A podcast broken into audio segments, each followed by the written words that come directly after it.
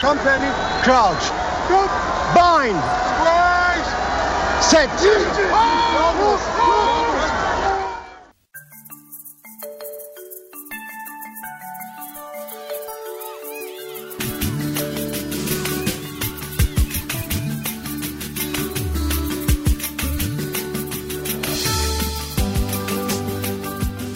In ons dokumentêre reeks oor die Rugby Wêreldbeker loer ons verder na helde van wel eer. Die keer fokus ons op die Rugby Wêreldbeker van 2003. Die 2003 Rugby Wêreldbeker was 'n groot geleentheid vir Australië.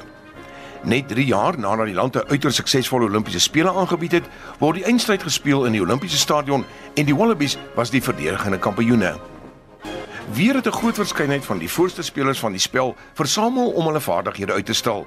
En die fokus het geneig om op drie lande te val: die gasheer Australië, asook Engeland en Nieu-Seeland. Die openbaarmaking van Kamp Staldraad het nog nie die Suid-Afrikaanse media bereik nie, maar die voorbereiding van die Springbokke het swaar getrek nadat hulle mediaman Marco Hein bedank en uitgeloop het op die groep te midde van beweringe van rasisme. Rudolf Australië het 'n jong span bymekaar gemaak. Hier en daar was daar 'n ouer speler, maar in retrospek was dit waarskynlik nie 'n goeie idee om die kaptein van die 1999 span, Joost van der Westhuizen, in die groep onder die nuwe kaptein Kriege te hê nie. Nieu-Seeland het die standaard gestel met 'n span vol enorme talent. Canterbury se baie gerespekteerde Ruben Von was die kaptein en elke spanlys wat die Kiwis voor 'n wedstryd bekend gemaak het, was formidabel. 'n Jong Dan Carter het op die toneel verskyn, maar moes nog terug staan vir Carlos Spencer. Die afrigter John Mitchell kon spelers kies soos Jerry Collins, Chris Jack, Byron Kelleher, Richie McCaw, Kevin Mialamu, Manono, Joe Rokoko, Danny Umaga en Ellie Williams. Spelers wat nie net All Blacks was nie, maar groot All Blacks was. Engeland en Australië was die ander spanne wat die nuusblaaie gehaal het. Engeland se afrigter Clive Woodward was vir 'n tweede keer in beheer en kon 'n formidabele span saamstel. Daar was spelers soos Martin Johnson, Lawrence Delalue, Matt Dawson, Will Greenwood, Ben Kay, Jason Leonard, Louis Moody, Jason Robinson, Phil Vickery en Johnny Wilkinson wat almal in topvorm was en in die vleur van hulle lewens. Die Wallabies se ster John Eales het uitgetree en George Gregan het die leiersels van 'n span oorgeneem wat gespog het met spelers soos Elton Flatley, Matt Gito, Steven Larkham, Sterling Mortlock, Matt Rogers, Wendell Sailor, Nathan Sharp, George Smith, Lottie Tekiri, Dan Wickerman en Phil Wall. Die Springbokke is uitgeskakel in die kwartuitronde deur die All Blacks in 'n wedstryd waar Carlos Spencer op sy vergaande beste was. Met net 4 spanne oor het Australië probeer om die Engelse te ontwrig met skimpe dat hulle ouderdom te hoog was, maar die Engelse was 'n georganiseerde klomp en het afgemaak as ongegrond. In die eerste halfuit was daar 'n onderskep 3 deur Sterling Mortlock wat die All Blacks se ondergang beteken het. Dit was ten koste van die afrigter John Mitchell wat sy werk kwyt was, terwyl Engeland maklik met Frankryk in die ander halfuit klaar gespeel het.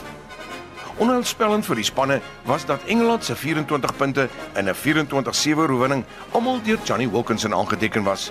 Dit was by wyse van vyf strafskoppe en drie skepdoele. Die loskakel was verreweg die mees prominente speler in die toernooi. Wanneer hy op 'n media-konferensie gepraat het, was daar massas media-mense teenwoordig en die Engelse het aan elke woord gehang asof hy 'n profeet was. Wilkinson het na vore gekom as die toernooi se voorste puntemaker met 113 punte op die kerstok wat ingesluit het 'n rekordgetal van 8 skepdoele. Een van hierdie was in die eindstryd en die belangrikste skop van Wilkinson se lewe. Ironies genoeg was dit met sy regtervoet en nie die goedgeskoelde linkervoet wat vir die meeste van sy punte in sy loopbaan verantwoordelik was nie. Die eindstryd het in ekstra tyd ingegaan nadat Australië se Elton Flatley twee keer sake gelyk gemaak het in gewone tyd met skoppe. Engeland het die eerste noordelike halfrondspan geword om die Webb Ellis Trofee te wen en het huis toe gevlieg na ongekende ontvangs in Londen. Die bal word hier agter laat loop in ver deur Mike Cat in die paviljoen ingeskop. Dis die einde van rugby wêreldbeker 2003. Dis vuurwerke in die Telstra stadion. Dis 20 punte vir Engeland. Dis 17 punte vir Australië in die laaste minuut van ekstra tyd. Die skipdoel, die goue voet van Johnny Wilkinson wat die deurslag gee en Engeland vir die eerste maal word hulle 'n span wat in die noordelike halfrond die William Webb Ellis trofee sal laat skyn vir 4 jaar. Teen daardie tyd was die Springbokke lankal by die huis en het die vreeslike dinge van Kamp Staaldraad na vore gekom. Daar was darm 'n Suid-Afrikaanse koneksie in die eindstryd met Andre Watson wat sy tweede Wêreldbeker eindstryd hanteer het. Maar ongetwyfeld, die speler van die toernooi en die beste loskakel in die wêreld was Johnny Wilkinson. Australië moet terug lê. En dan kom die bal uit na Johnny Wilkinson hier kom sy skipskop. Luister na die Engelse skare op hulle voete.